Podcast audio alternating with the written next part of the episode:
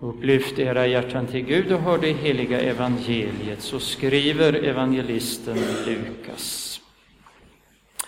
Kvinnorna som hade kommit från Galileen tillsammans med Jesus följde med och såg graven och hur Jesu kropp lades där. När de hade återvänt hem gjorde de i ordning välluktande kryddor och oljor och sabbaten tillbringade de efter lagens bud i stillhet. Men dagen efter sabbaten gick de i gryningen till graven med kryddorna som de hade gjort i ordning. De fann att stenen var bortrullad från graven och när de gick in kunde de inte finna Herre Jesu kropp. De visste inte vad de skulle tro, men då stod där två män i skinande kläder framför dem. Kvinnorna blev förskräckta och sänkte blicken mot marken. Men männen sa till dem, varför söker ni den levande här bland de döda? Han är inte här, han har uppstått. Kom ihåg vad han sa till er medan han ännu var i Galileen, att Människosonen måste överlämnas i syndiga människors händer och korsfästas och uppstå på tredje dagen. Då kom de ihåg hans ord, och när de hade återvänt från graven berättade de alltsammans för de elva och alla de andra. Det var Maria från Magdala och Johanna och Maria Jakobs mor Även de andra kvinnorna i deras sällskap talade om det för apostlarna. De tyckte att det bara var prat och trodde inte på dem. Men Petrus sprang genast bort till graven. När han lutade sig in såg han bara linnesvepningen ligga där och han gick därifrån full av undran över det som hade hänt. Så lyder det heliga evangeliet. Lovad vare du, Kristus. Halleluja.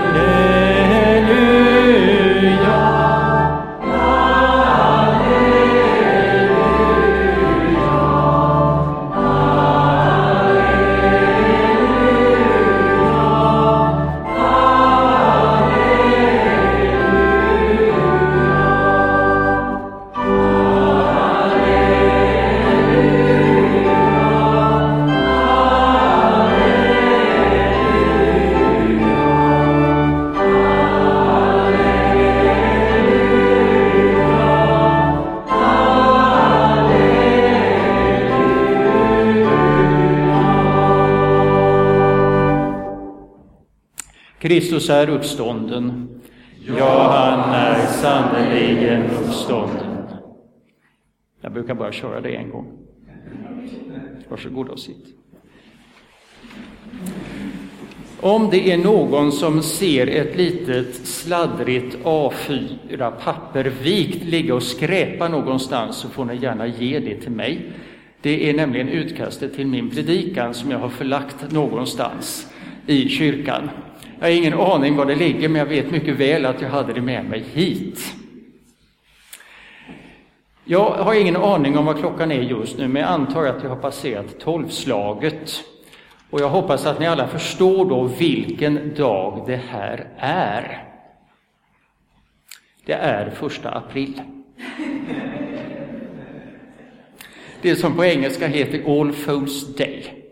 Den dagen då man med gott samvete får luras och så småningom säga april, april, din dumma sill, jag kan lura dig vart jag vill. Eller om vi uttrycker oss i lite moderna termer, det här är faktiskt den enda dagen på året då man på Facebook och andra sociala medier får dela så kallade fake news och göra det med väldigt gott samvete. Annars har vi ju förstått att vi ska inte tro på allting som står på nätet, utan man ska vara lite försiktig med det man delar. Men idag slipper vi den försiktigheten. Idag kan vi köra på. Men då kan man ju fråga sig, vi har tänt ett nytt Kristusljus. Vi har proklamerat att Kristus är uppstånden. Är det också ett fake news?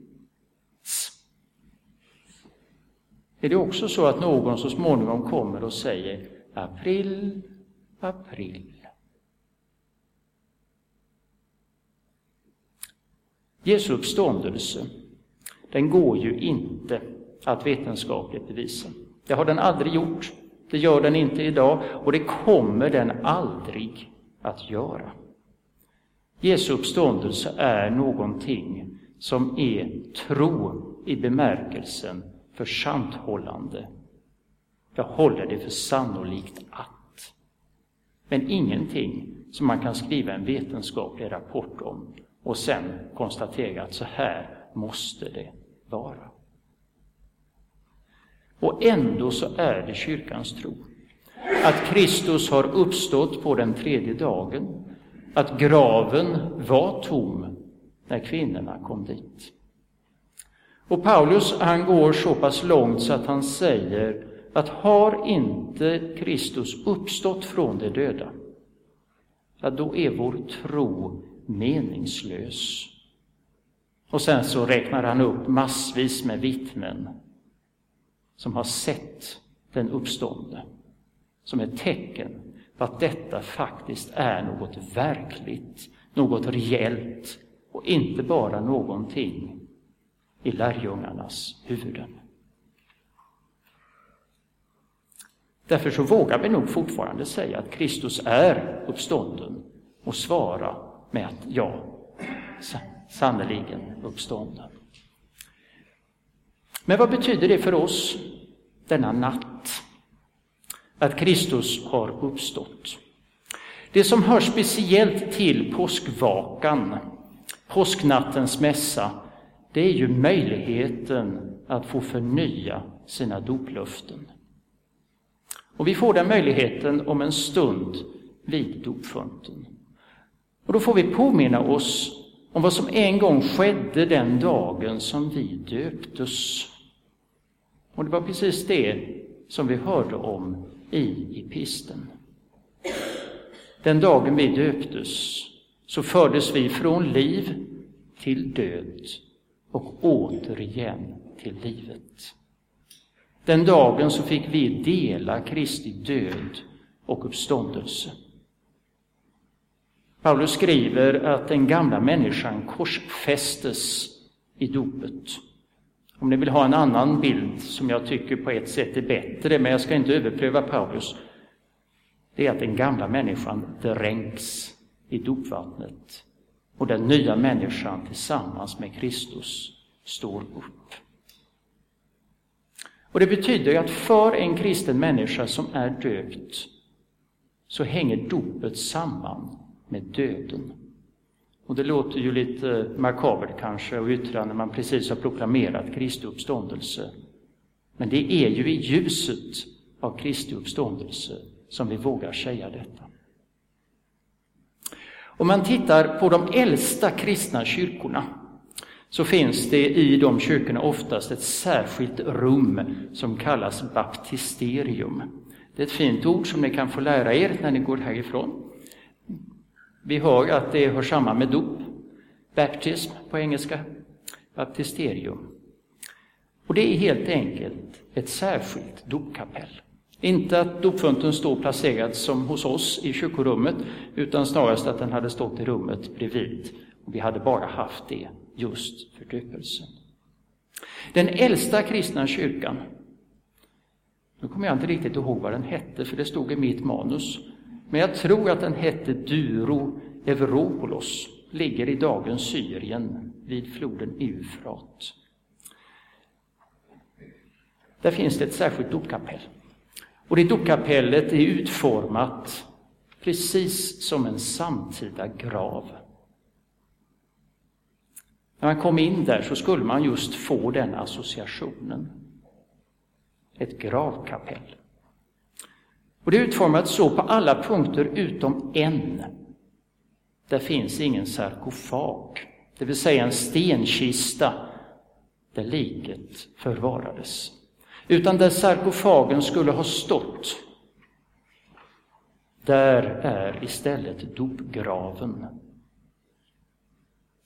Ett tydligt tecken på vad dopet innebär. Att man går från döden till livet. Att den som är döpt har hoppet om uppståndelsen med sig.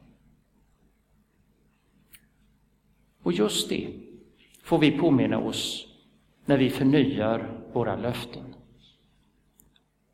Och får proklamera att ja, Gud, vi vill fortsätta leva så som döpta och konfirmerade. Vi vill fortfarande vara ditt ljus i världen och leva som dina barn. Guds löften behöver ju inte förnyas. De står kvar. Men vi kan behöva påminna oss om det. Så när vi under nästa psalm får möjligheten att samlas vid dopfunten så får man också möjligheten att ta detta lilla handljus som ni fick vid denna gudstjänst inledning och tända på Kristusljuset. Och handljuset får då både symbolisera Kristi seger över mörkret, men också det dopljus som för vissa av oss tändes fysiskt när vi döptes och för andra bara symboliskt i våra hjärtan. Kristus är uppstånden från de döda. Ja, han är sannerligen uppstånden. Nu sjunger vi psalmen 618.